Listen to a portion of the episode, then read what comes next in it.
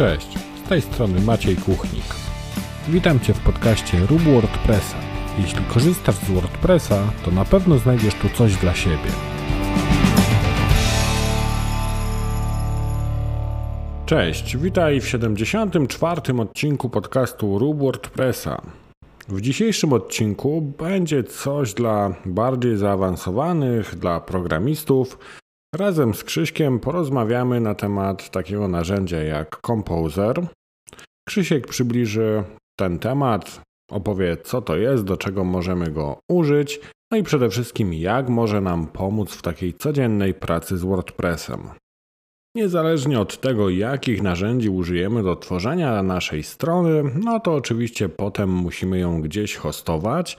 A tak się składa, że partnerem mojego podcastu jest firma CyberFolks, od której możecie kupić pakiety hostingowe pod WordPressa lub domeny.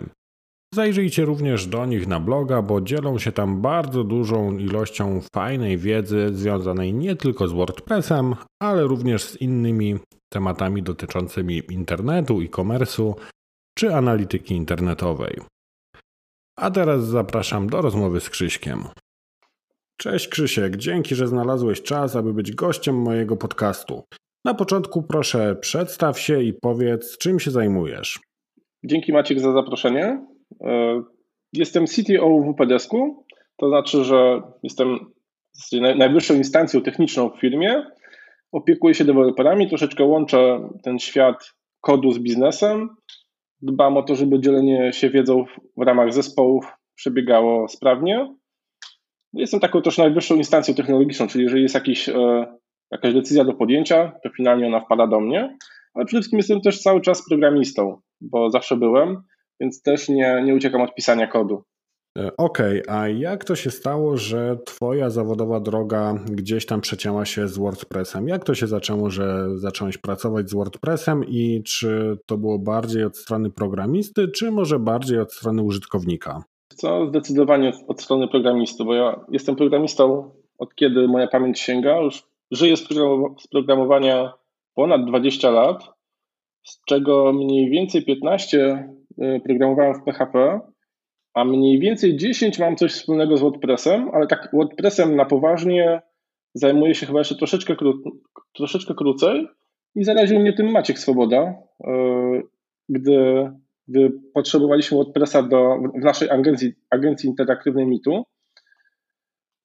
I zdecydowanie było to raczej od strony programisty. To znaczy trafiały do mnie zadania, trzeba dopisać funkcjonalność, trzeba dopisać wtyczkę, i w ten sposób zapoznałem się z WordPressem. I przyznam szczerze, że jakoś na początku mi nie przypadł do gustu za mocno, bo wiem, jakby jako programista zdaję sobie sprawę z jego rozlicznych wad, ale ujęła mnie społeczność. Społeczność jest wyjątkowa, jest zupełnie inna niż w większości ekosystemów.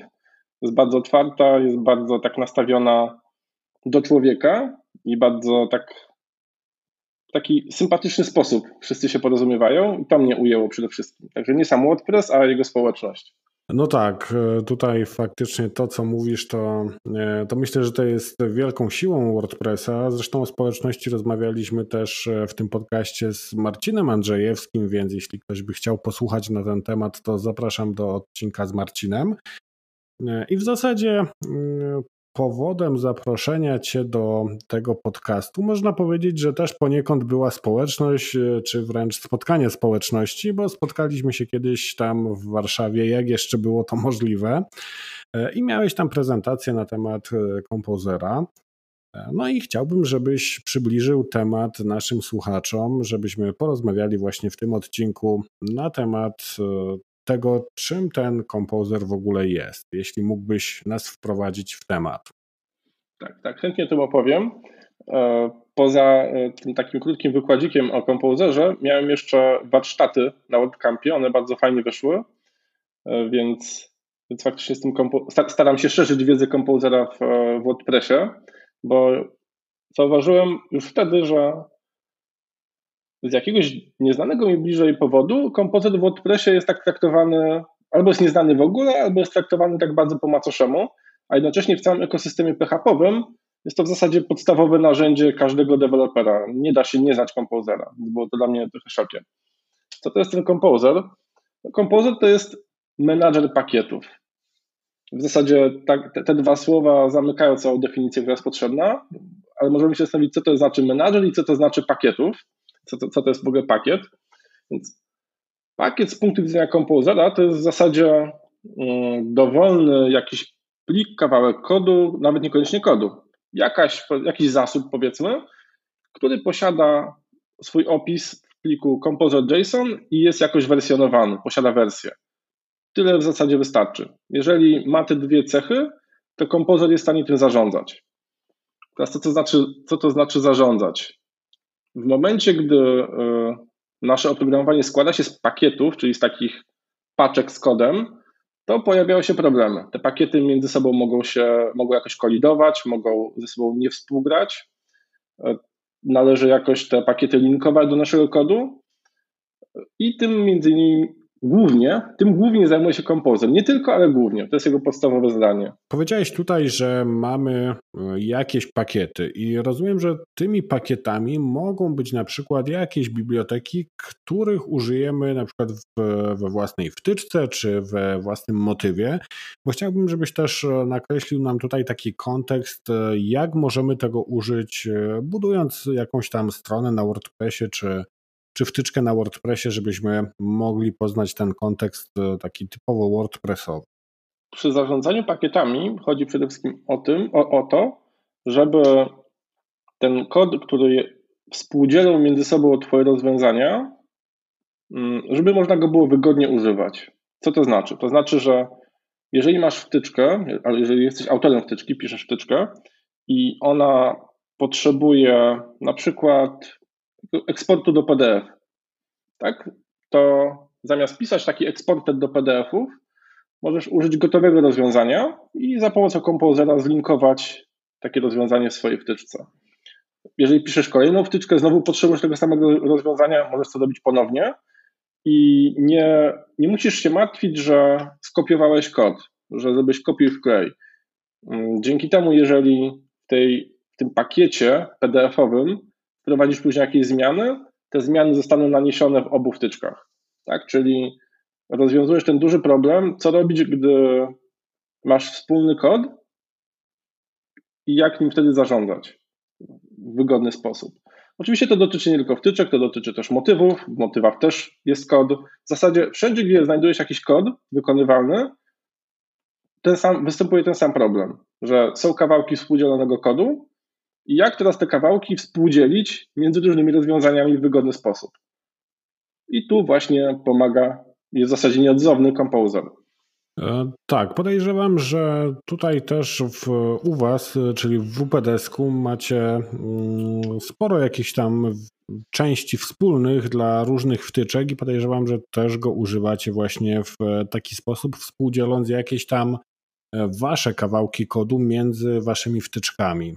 Tak, tak, dokładnie. Czyli przykładowo, takie, jednym z pierwszych takich problemów, jakie wtyczka ma do rozwiązania, gdy zostanie uruchomiona, to sprawdzenie, czy może się w ogóle uruchomić poprawnie, czyli czy wersja PHP jest wystarczająca, czy wersja WordPressa jest wystarczająca, WooCommerce, a w ogóle czy to środowisko uruchomieniowe spełnia założenia.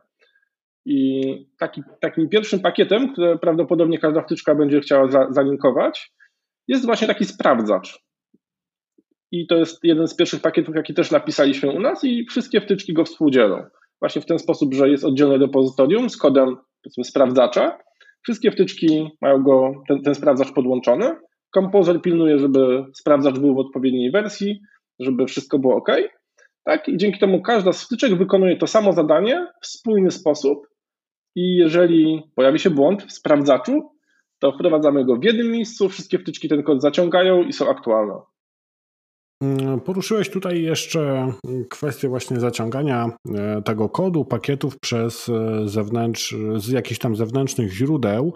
E, gdybyś tu jeszcze przybliżył takie wymagania co do środowiska, w którym możemy użyć tego kompozera, no bo Czasem, jeśli mamy taki jakiś standardowy hosting współdzielony, no to mamy tam dostęp tylko po FTP na przykład, plus jakiś tam panel do zarządzania usługą. Nie mamy dostępu do SSH, co gdzieś tam już będzie tym ograniczeniem, bo tutaj też trzeba pamiętać, że no sam kompozer będzie miał pewne wymagania co do środowiska, w jakim go będziemy mogli użyć.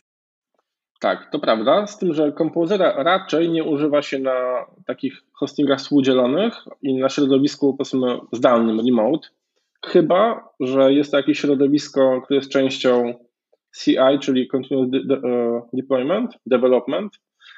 Mm, więc jeżeli jest to jakieś środowisko, gdzie nie ma SSH, nie ma dostępu do konsoli, nie jest to problem, dlatego że możesz użyć swojego lokalnego środowiska. Tam linkujesz to rozwiązanie, możesz, możesz, je, możesz uruchomić kompozera i wtedy możesz przenieść je na serwer już zdalny, już takie jakby gotowe, gotową paczkę z gotowym rozwiązaniem.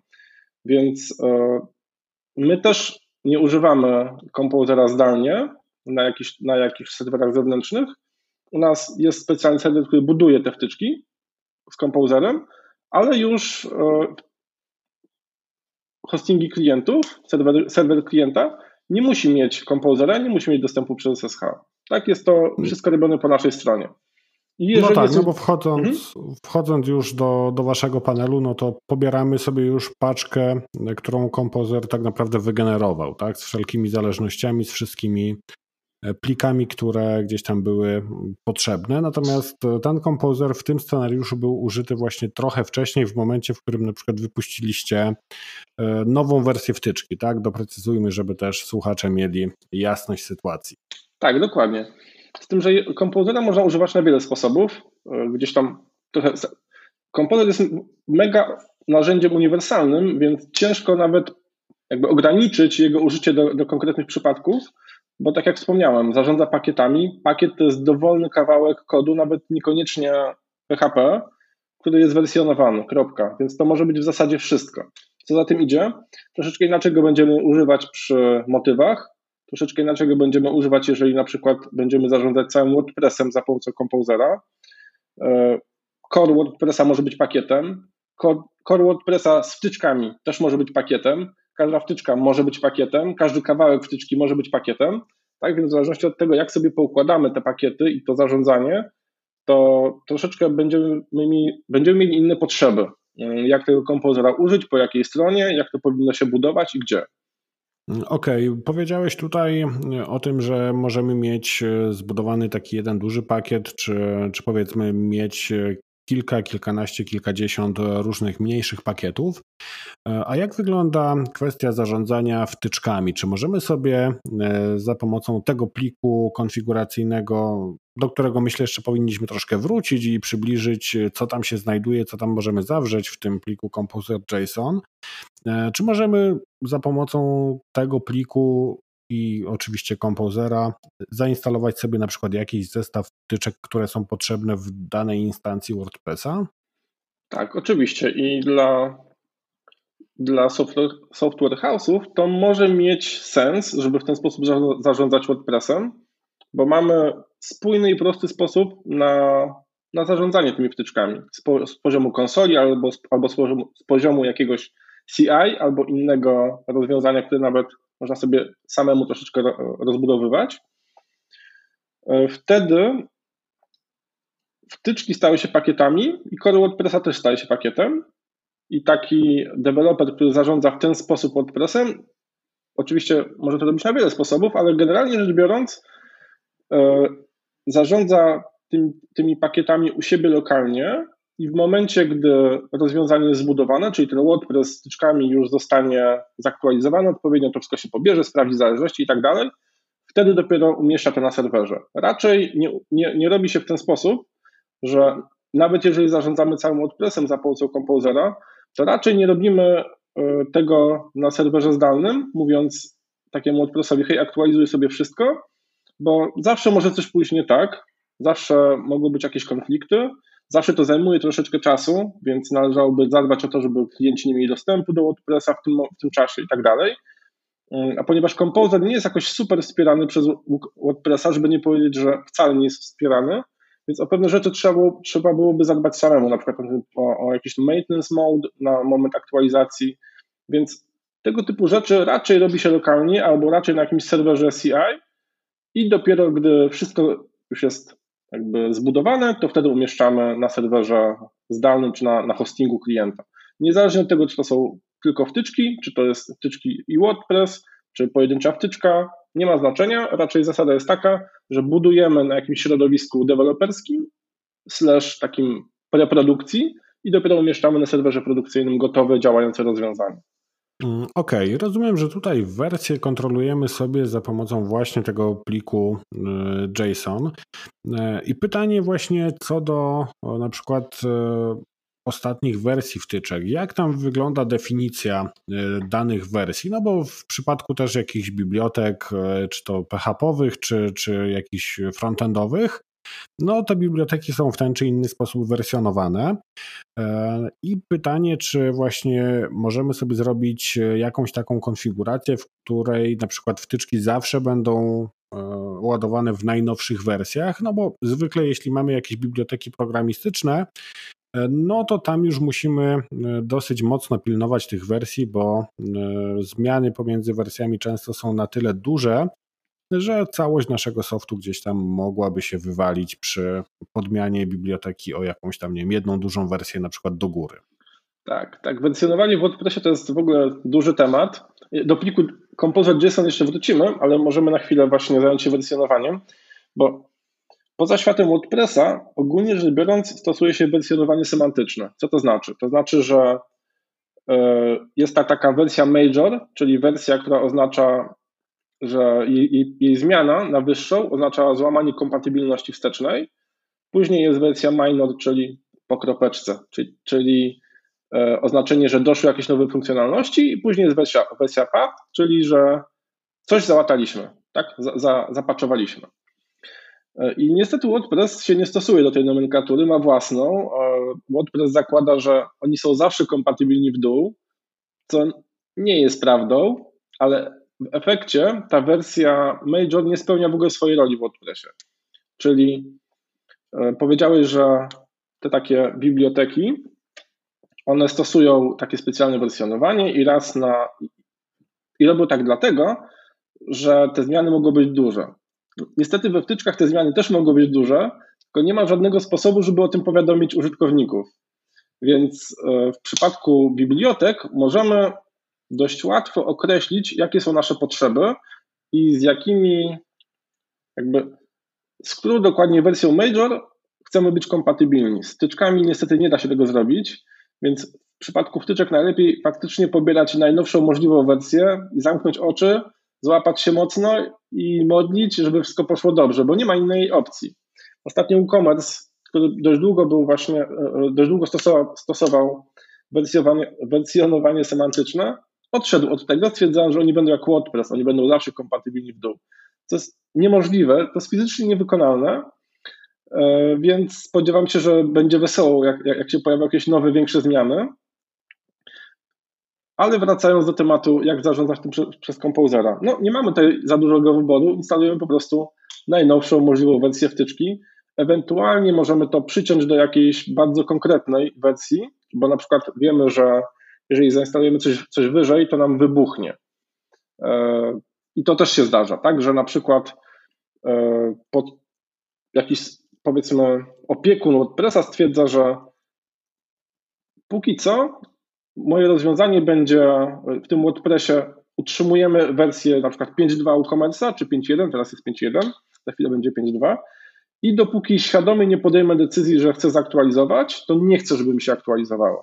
Tak, wtedy możemy wpisać konkretną wersję 5.1 w kompozerze, kompozer będzie tego pilnował, będzie patrzył, czy inne wtyczki są kompatybilne i dopóki świadomie nie zwiększymy, nie podbijemy w Composer JSON e, tej wersji, to będziemy mieli tylko wersję 5.1. Takie podejście w WordPressie zwłaszcza też ma sens. Tak, nie zawsze jest tak, że musimy koniecznie mieć najnowszą wersję już zaraz. E, okej, okay, tutaj oprócz e, zarządzania tymi wersjami, pakietami i tak dalej, e, jeszcze wchodzi kwestia taka już bardziej, można powiedzieć, bliżej kodu, czyli kwestie autoładowania. Jeśli o tym też moglibyśmy chwilę pogadać, bo myślę, że to mm, tutaj chyba jest cała magia Composera, bo o ile tam zarządzanie wersjami czy instalację jakichś konkretnych wersji możemy też w bardzo prosty sposób zrobić choćby przez WPCLI, które jeśli mielibyśmy wykorzystywać kompozera tylko do tego, to mam wrażenie, że chyba WPCLi będzie wygodniejsze i, i w pewien sposób gdzieś tam prostsze do użycia. E, no to jeśli moglibyśmy trochę o tym autoładowaniu i, i co tak naprawdę ten kompozer nam w tym kontekście daje. Tak, tak. Z, punktu widzenia takiego administratora WordPress, to WPCLi się sprawdza do pewnych rzeczy dużo lepiej niż Composer, bo Composer jest bardziej ogólnym narzędziem po prostu. E, autoładowanie to jest taki troszeczkę uboczny efekt tego zarządzania pakietami, bo skoro Composer zarządza pakietami, to stara się też, żeby te pakiety były dostępne. Ten kod, który zostanie załadowany w pakiecie, żeby był dostępny dla całego rozwiązania, które piszemy. I autoładowanie jest takim dość oczywist, taką oczywistą funkcjonalnością, która musi się pojawić, czyli że nie musimy i nie chcemy szukać, gdzie te pliki zostały załadowane, tylko chcemy mieć po prostu dostęp do tego kodu. Czyli chcemy, żeby kompozytor za nas załadował te pliki, jeżeli są potrzebne, i udostępnił nam klasy, funkcje i rozwiązania, które są w tym pakiecie. Więc kompozytor rozwiązuje ten problem i rozwiązuje go naprawdę bardzo dobrze. Mm, można za pomocą tego pliku JSON zdefiniować sobie, w jaki sposób możemy autoładować e, różne pakiety i pliki. I przy okazji, skoro już możemy autoładować pakiety, to możemy też ładować nasz kod lokalny, który znajduje, może znajdować się dowolnie, w dowolnym miejscu. Jest kilka sposobów, w jaki sposób kompozytor może to rozwiązać. Wspiera taką starą wersję jeszcze PSR0, czyli takiego standardu nazewnictwa, który już jest rzadziej stosowany. Nie będę się rozpisywał, e, e, jakoś super roz, rozdrabiał na ten temat, ale wspiera też PSR4, to jest bardzo fajna, nowsza, e, fajny nowszy standard, czyli każda klasa jest umieszczona w odpowiednim katalogu zgodnym ze swoją przestrzenią nazw. Ogólnie polecam używać, jeżeli ktoś nie zna tej, tego standardu. Ale poza tym dla starszych jeszcze rozwiązań potrafi po prostu przeskanować cały katalog, sprawdzić jakie tam są klasy i zbudować tam taką mapę, mapę klas. To jest bardzo fajne rozwiązanie, jeżeli nie stosujemy żadnego standardu, co w WordPressie jest dość częste, po prostu chcemy mieć dostęp do wszystkich klas, jakie się znajdują w naszym kodzie, nieważne gdzie jesteśmy, to kompozytor bardzo fajnie nam to ogarnie. Co więcej, wspiera też, e, ponieważ mówimy tu cały czas o klasach i ładowaniu klas, wspiera też sytuację, gdy nie ma żadnych klas w pliku, tylko są funkcje. To też jest w WordPressie dość często, zdarza się. E, możemy po prostu podać załaduj kod z tych plików zawsze, kompozytor też to za nas, za nas zrobi. Więc dzięki kompozorowi pozbywamy się tego required once, który wszędzie się pojawia, także jeżeli o nim raz zapomnimy, to coś wybuchnie, a łatwo zapomnieć wbrew pozorom, bo jak mamy ten kod troszeczkę bardziej skomplikowany, to tych zależności jest troszeczkę więcej w naszym kodzie, no to najczęściej jakaś, jakiś plik wcześniej zrobił już require once potrzebnych nam rzeczy, więc jak zapomnimy zrobić require once, no to i tak mamy te wszystkie klasy, których używamy. I mamy je, dopóki nie zmodyfikujemy kodu troszeczkę i nie okaże się, że e, ten plik, który wcześniej ładował te potrzebne nam rzeczy, on już nie jest używany wtedy nagle w dziwnych miejscach wybucha nam nasze rozwiązanie, no, co nie jest szczególnie miłe. Więc możemy w ogóle zapomnieć o tym problemie, kompozytor rozwiąże to za nas w bardzo fajny sposób, bo kolejnym plusem autoładowania jest to, że te pliki będą ładowane tylko wtedy, jeżeli użyjemy tego kodu. Tak, one nie są ładowane zawsze, wszędzie, tylko wtedy, gdy faktycznie potrzebujemy danej klasy. Ta klasa tylko wtedy jest ładowana. To jest super. No i tutaj też taki efekt uboczny użycia kompozera, no to na pewno jest e, odchudzenie naszego repozytorium, w którym trzymamy kod, bo e, jak rozumiem, zgodnie z dobrymi praktykami w Gicie czy jakimkolwiek innym systemie do wersjonowania kodu, tych bibliotek nie trzymamy jako tako w repozytorium, czyli gdybyśmy sobie pobrali takie repozytorium, no to jeszcze musimy odpalić tam kompozera, żeby nam zrobił co trzeba, tak? Tak, dokładnie. Repozytorium jest lżejsze o ten kod e, zdalny, o ten kod pakietów.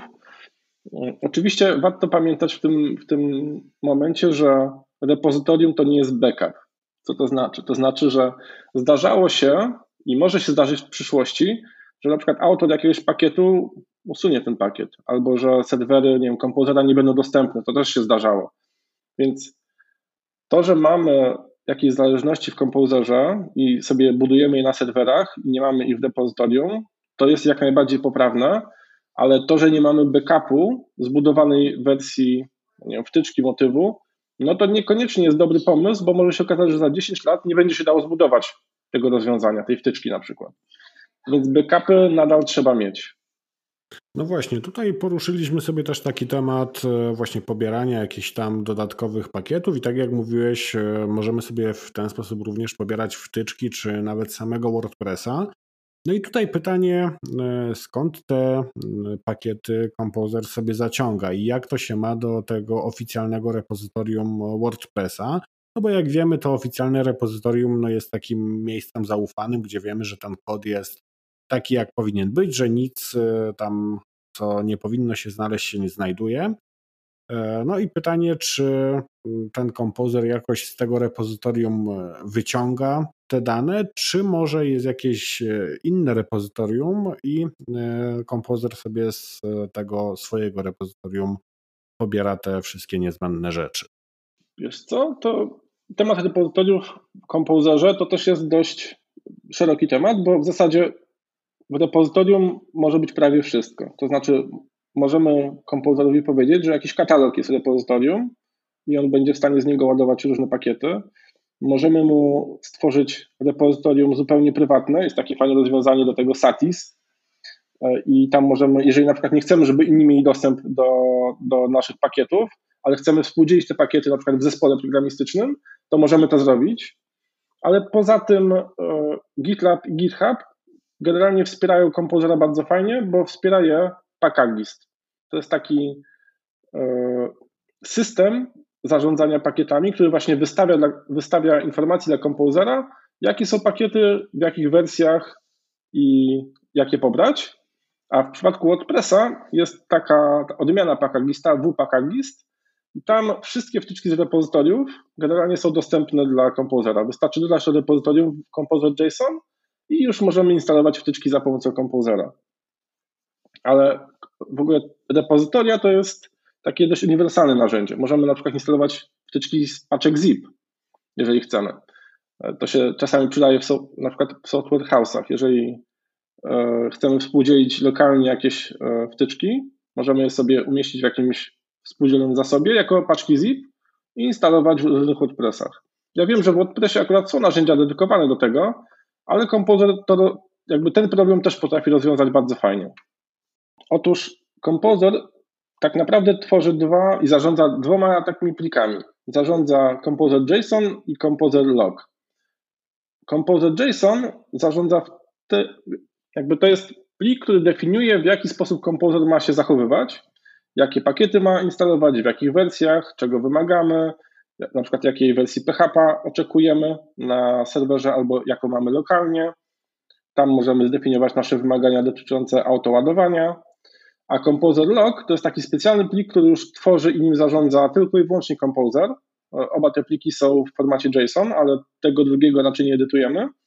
I tam Composer zapisuje jakby jakie pakiety już spełniły nasze wymagania. Czyli w Composer Log e, JSON definiujemy, jakie wymagania chcemy, żeby spełniały, a w Composer Log Composer zapamiętuje, jakie spełniły i jakie zainstalował. To jest drobna, ale znacząca różnica, ponieważ e, ten Composer Log jakby zamraża nam to, co się dzieje w naszym rozwiązaniu, na moment, gdy wykonamy to polecenie Composer Update albo Composer Require. I dzięki temu możemy, jeżeli umieścimy ten plik Composer Log w Gicie, sprawić, żeby inny programista, czy powiedzmy inne środowisko, wiedziało dokładnie, jakie wersje pakietów zostały zainstalowane. Znaczy, żeby podać jakiś taki przykład, żeby, który to dobrze ilustruje, no to przykładowo chcielibyśmy, żeby wtyczki w naszym WordPressie były zawsze jak najbardziej aktualne. Czyli mamy wymagania, które sobie zapiszemy w Composer JSON, zawsze instaluj najnowsze. A w momencie, gdy. Ale, ale na dany moment mamy tam konkretne wersje. Jeżeli chcemy przenieść tego WordPressa na inny na przykład hosting albo do innego programisty, no to jego nie interesują nasze wymagania, że zawsze chcemy najnowsze, bo może się okazać, że w momencie, jak on pobierze sobie to rozwiązanie z Gita, to inne wersje już będą najnowsze. A my chcemy, żeby on miał dokładnie to, co my. I Composer Log lokuje, jakby zamraża te informacje, która wersja jest w danym momencie zainstalowana. Więc taki programista może sobie pobrać Composer Log z Gita i odtworzyć dokładnie to środowisko, które wiemy, że jest stabilne. Dlatego e, w przypadku większości rozwiązań Composer Log ląduje w gicie. Composer JSON z naszymi wymaganiami ląduje w gicie. Ale na przykład, jeżeli budujemy jakiś własny, budujemy jakiś własny pakiet, to najprawdopodobniej Composer Log będzie tam zbędny, ponieważ w momencie, gdy ktoś pobiera nasze, nasz pakiet, to najprawdopodobniej on będzie chciał zbudować sobie te wszystkie zależności u siebie od nowa i nie interesuje go, które wersje jakby podpakietów były dostępne w danym momencie. Tak? Czyli jak ktoś buduje wtyczkę, to prawdopodobnie te, te informacje są potrzebne, ale jeżeli ktoś buduje pakiet, to już niekoniecznie. Więc są tam drobne różnice i niuanse, ale ogólnie przyjęło się, że w Gicie umieszcza się Composer JSON, Composer Log, nie umieszcza się nigdy katalogu vendor. W katalogu vendor Composer umieszcza te wszystkie pakiety po pobraniu. Nie umieszczamy w Gicie, bo nie ma takiej potrzeby, w sensie w repozytorium, ponieważ i tak w momencie, gdy uruchomimy Composer Install, te wszystkie pakiety zostaną zainstalowane. to jest też taka znacząca różnica między Composer Install a Update. Są takie dwa najczęściej używane polecenia Composera. Composer Install nie będzie modyfikował pliku log. Tak? On zainstaluje dokładnie to, co zostało zamrożone. Composer Update zaktualizuje nam tę wersję, więc ma znaczenie, czego użyjemy u siebie. Zastanawiam się jeszcze też, jak wyglądało wdrożenie tego kompozera w WPDS-ku. Czy to było tak, że gdzieś tam już od samego początku, pracując nad tymi wtyczkami, mając w perspektywie pisanie e, iluś tam różnych wtyczek, które e, będą dotyczyły, można powiedzieć, podobnego obszaru, czyli e-commerce'a, czy od razu e, gdzieś tam podeszliście do tego tematu z e, taką zaplanowaną architekturą tego wszystkiego, czy może gdzieś ten kompozer wszedł na pewnym etapie do, do pracy nad, nad tym kodem, nad tymi wtyczkami? Jak to wyglądało w przypadku WPDS-ka? Wiesz co, kompozera wdrożyliśmy relatywnie późno, dlatego że, tak jak wspomniałem, WordPress nie wspiera kompozera. Co to znaczy? To znaczy, że E, to nie jakby w samym WordPressie, w momencie, gdy instalujemy wtyczkę, WordPress nie jest w stanie sprawdzić, jakie pakiety składają się na wtyczkę, nie jest w stanie tego pogodzić ze sobą. Co to oznacza? Wbrew pozorom jest to spory problem, bo okazuje się, że jeżeli mamy dwie wtyczki, które używają tego samego pakietu, to kod w tym pakiecie ma te same nazwy i jest w tej samej przestrzeni nazw. Więc mamy problem do rozwiązania, bo w momencie, gdy wtyczka zawoła o jakąś klasę, ta klasa będzie się znajdowała w dwóch wtyczkach, to która wersja tej klasy zostanie załadowana? I to jest taki problem w WordPressie, który trzeba rozwiązać i on nie do końca jest trywialny. Próbowaliśmy to robić na kilka różnych sposobów e, i przeszliśmy dość długą i bolesną drogę, zanim udało nam się to rozpracować dobrze. Więc Głównie z tego powodu kompozyt nie był używany od razu, chociaż jest takim oczywistym narzędziem, jeżeli, jeżeli piszesz jakby kilka różnych wtyczek. Mm, okej, okay. a e, jak tutaj byś podszedł do takiego tematu, czy zawsze używać tego kompozera? No bo to narzędzie ma niewątpliwie bardzo, bardzo dużo zalet, ale też mam wrażenie, że do pewnych rzeczy może być to trochę armata na muchy i, i ten narzut jakby na, na całe przygotowanie sobie tego środowiska w kompozerze może nie do końca jakby odzwierciedlać e, te korzyści, które, e, które zyskujemy dzięki, e, dzięki niemu. I kiedy byś odradził jednak tego kompozera, bo wbrew, wbrew pozorom to też jest dosyć istotne pytanie, kiedy jednak go nie używać. Wiesz co, tak naprawdę wydaje mi się, że chyba każdy, dla każdego programisty PHP, nawet jeżeli jest programistą w WordPressie, to kompozytor jest nieodzowny. Jeżeli mm, jesteś użytkownikiem, który nie za bardzo programuje, nie czuje tego i ma do opieki jednego, dwa WordPressy, no to kompozytor chyba nie jest dla ciebie, bo to jest, tak jak powiedziałeś, armata na muchy. Jest dużo rozwiązań WordPressowych, które rozwiązują problemy, które rozwiązuje też, też ale robią to w sposób dedykowany dla WordPressa, łatwiej, szybciej, nie trzeba kombinować. Więc myślę, że jeżeli masz pod opieką kilka WordPressów, nie czujesz do końca programowania, to prawdopodobnie nie ma sensu się tym kompozerem zajmować. On tylko skomplikuje i tak już twoje, twoje ciężkie życie. A jeżeli jesteś programistą, no to wydaje mi się, że nie ma ucieczki. Musisz używać kompozera. Jeżeli go nie używasz, to wcześniej czy później będziesz żałował, raczej wcześniej nawet to głupie autoładowanie, o którym wspomnieliśmy, już to bardzo Ci ułatwi życie, a kwestią czasu jest, gdy zaczniesz współdzielić jakieś elementy swojego kodu i wtedy kompozytor w zasadzie jest nieodzowny. Bez niego czekają cię, czeka Cię gehenna, bo w momencie, gdy napiszesz jakąś, nawet jedną klasę, która rozwiązuje jakiś problem, nawet bardzo prosty, i skopiujesz tą klasę do kilku wtyczek czy, czy motywów, kwestia czasu i w jednym z nich zmodyfikujesz tę klasę. Znajdziesz jakiś błąd, poprawisz go albo ulepszysz coś i prawie na 100% zapomnisz tej klasy skopiować w inne miejsca. Więc kwestia czasu i będziesz miał multum klas o tych samych nazwach rozwiązujących ten sam problem w różny sposób i z różną skutecznością. I to będzie męka, żeby nad tym zapanować. Więc wydaje mi się, że jeżeli jesteś programistą albo jeżeli zarządzasz jakąś większą grupą WordPressów i jesteś programistą przy tym, to kompozytor jest po prostu nieodzowny. No i myślę, że tutaj też sytuacja, w której na przykład mielibyśmy e, jakąś wtyczkę, czy wtyczki właśnie, które e, utrzymujemy pod takim kątem, e, że jesteśmy na przykład ich autorem, sprzedajemy je, aktualizujemy co, co pewien czas dostosowując na przykład do, do nowych wersji WordPressa, czy do jakichś tam innych zmieniających się warunków, myślę, że no tutaj też będzie takim przy, przykładem, gdzie to będzie taki, takie narzędzie must have, można powiedzieć. To załóżmy, że mamy jakiegoś e, powiedzmy początkującego dewelopera, który pisze sobie jakąś swoją pierwszą, drugą bądź piątą wtyczkę i jest to troszkę bardziej skomplikowana wtyczka niż jakieś tam trywialne użycie kilku filtrów. Na przykład taka wtyczka, która potrzebuje jakiejś biblioteki do generowania PDF-ów, która gdzieś tutaj już się w naszej rozmowie przewinęła. No to co byś poradził e, takiemu deweloperowi, jak po prostu zacząć, jak ugryźć ten temat tego kompozera, żeby wejść w niego na tyle gładko, żeby po prostu się nie zrazić na samym początku i nie ściągnąć sobie gdzieś tam tej biblioteki, wrzucić do kodu na sztywno, zalinkować i, i stwierdzić, dobra, działa, mam to z głowy. Co byś tutaj poradził na początek?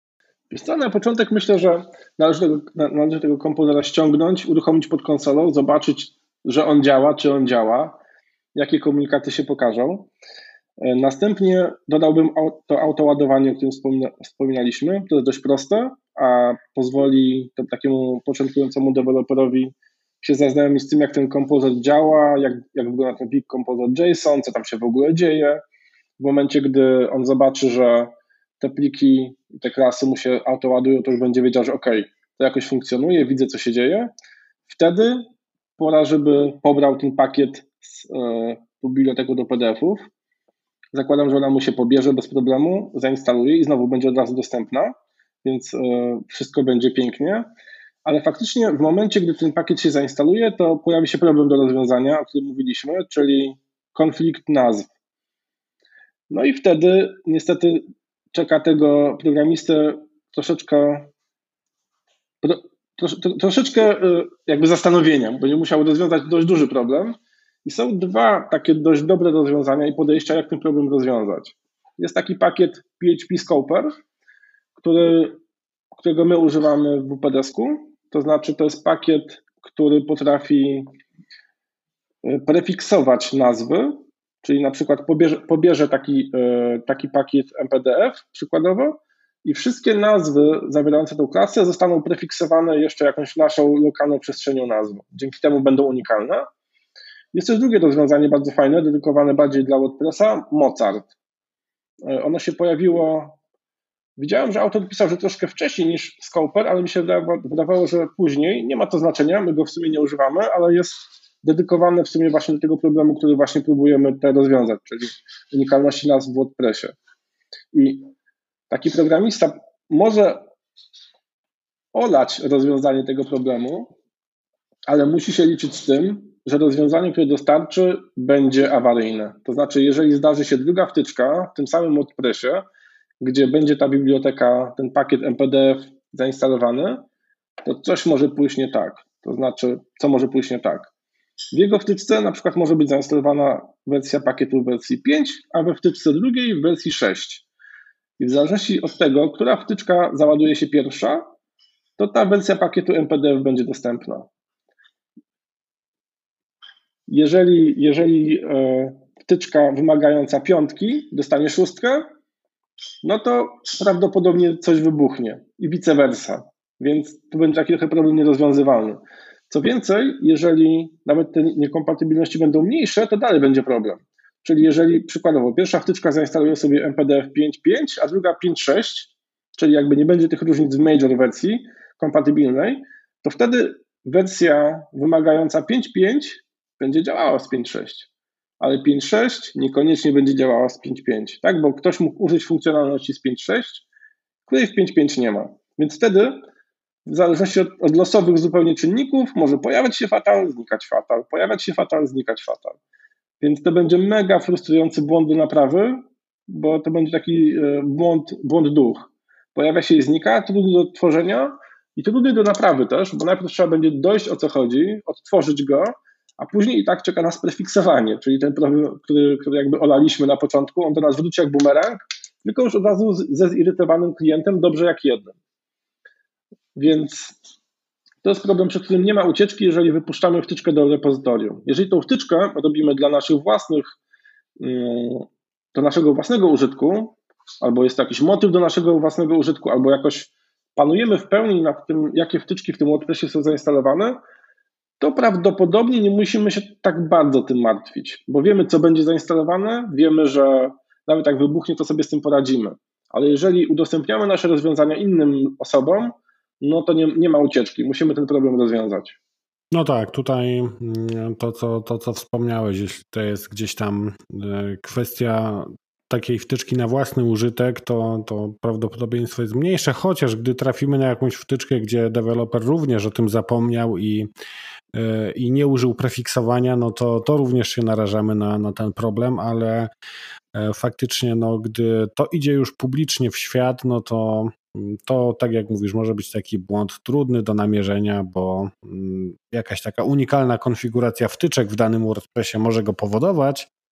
E, I wtedy jedyna sensowna odpowiedź, jaką może dać deweloper, no to dziwne u mnie działa. Nie? Tak, dokładnie. To znaczy, może być taka sytuacja, że klient aktywuje wtyczkę, nie wiem, Yoasta, wszystko wybucha, ale wybucha wtyczka zupełnie inna, bo kłóci się z wtyczką jeszcze zupełnie inną. Czyli mamy jakby trzy wtyczki i dojść, co z czym się kłóci, no nie jest wcale łatwo do tego dojść. Tutaj zaczęliśmy już taki e, temat poniekąd związany z dobrymi praktykami, no bo zwykle jest tak, że nawet e, gdzieś tam najlepsze narzędzie mm, i gdzieś tam najlepiej przemyślane, jednak zawsze da się użyć w taki sposób kiepski. I co byś tutaj poradził, jeśli chodzi o takie dobre praktyki, jeśli gdzieś tam z tym kompozerem zaprzyjaźnimy się coraz bardziej i włączymy go na stałe do jakiegoś naszego, powiedzmy, narzędziownika, takiego programisty, który, który pracuje sobie właśnie z WordPressem, z PHP, pisze jakieś swoje wtyczki czy motywy. O jakich dobrych praktykach należy pamiętać? Jest troszeczkę dobrych praktyk, które warto stosować taka najprostsza rzecz, koniecznie, o której trzeba koniecznie pamiętać, to jeżeli e, używamy require i ładujemy sobie taki plik główny, gdzie kompozyt przygotował nam nasze autoładowane klasy, to musimy do niego podać pełną ścieżkę. Dlaczego? Jeżeli nie podamy pełnej ścieżki, to wszystko zadziała, dopóki jakieś inne rozwiązanie, jakiś inny podpakiet nie będzie miał też takiego samego require z lokalną ścieżką. Może się okazać, że PHP załaduje nam inne, e, inny plik niż, niż, byśmy, niż byśmy się spodziewali.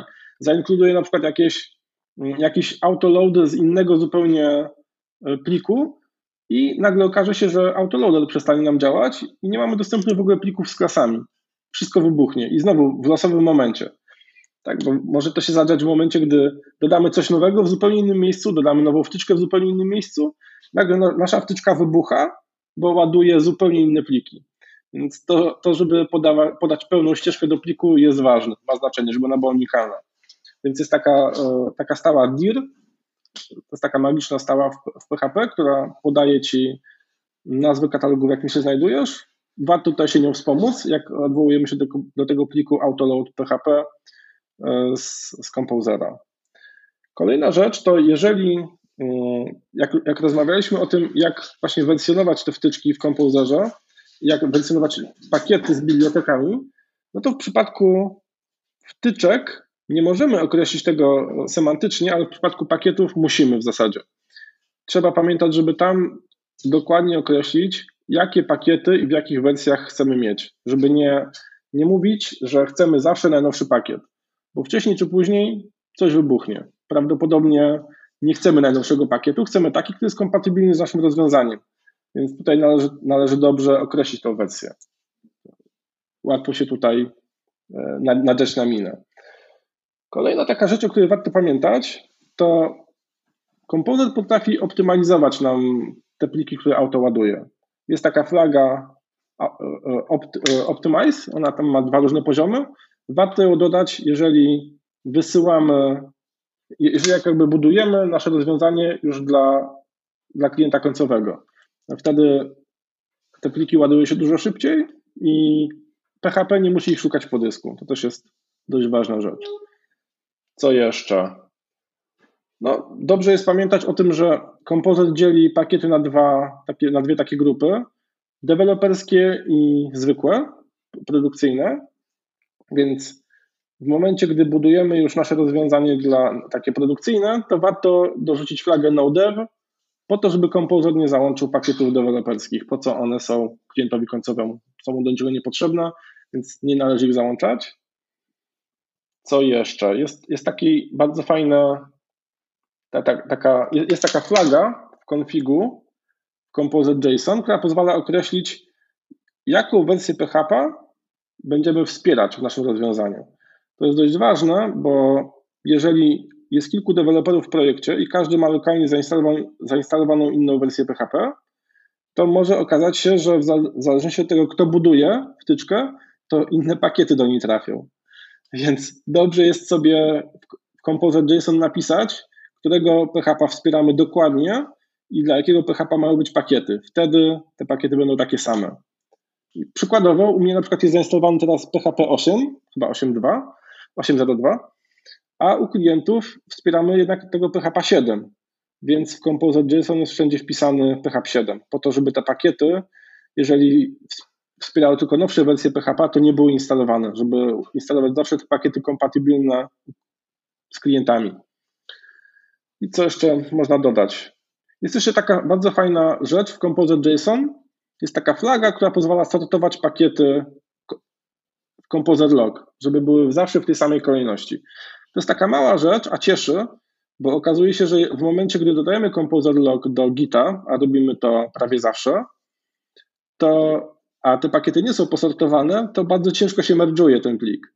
W momencie, gdy one są posortowane, to ten merge jest dużo łatwiejszy, dużo trudniej o konflikty. Jeżeli dwóch deweloperów próbuje wrzucić ten Composer Log w różnych wersjach, to te konflikty da się jakoś rozwiązać rozsądnie, a czasami nawet nie trzeba ich rozwiązywać, one są rozwiązywane automatycznie, a gdy pakiety nie są sortowane, to gwarantowany konflikt, który trzeba po prostu nadpisać. Okej, okay, tutaj jeszcze zainteresowałeś mnie też tą konkretną wersją PHP, e, czyli doprecyzowując, działa to tak, że możemy sobie zadeklarować, że chcemy, aby nasz kod był kompatybilny powiedzmy z PHP w wersji tam nie wiem 7.2 załóżmy, E, I jeśli któryś, któryś z pakietów, który sobie gdzieś tam zaciągamy do tej wtyczki, e, będzie miał jakąś nową wersję, która będzie kompatybilna na przykład od 7.4 w górę, no to wtedy ten pakiet zostanie pobrany w jakiejś starszej wersji, tak aby zapewnić tą kompatybilność, którą sobie umieścimy w, w pliku JSON, tak?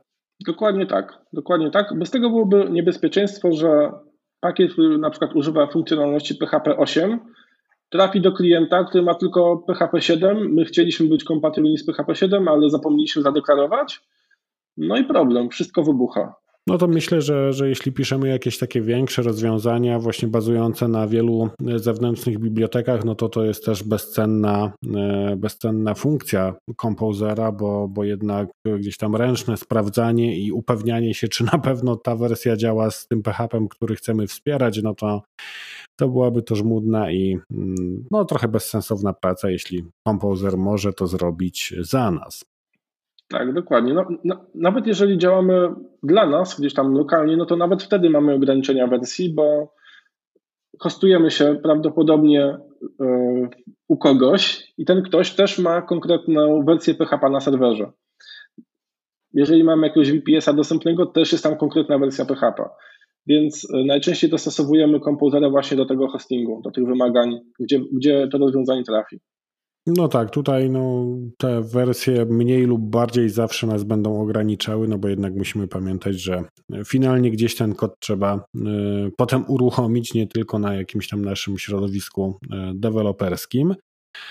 E, super, myślę, że y, przybliżyliśmy temat kompozera na tyle, że każdy, kto się jeszcze gdzieś tam nad nim zastanawiał, no to będzie wiedział, z czym to się je w ogóle, przede wszystkim jakie zalety daje no i co możemy dzięki niemu zyskać.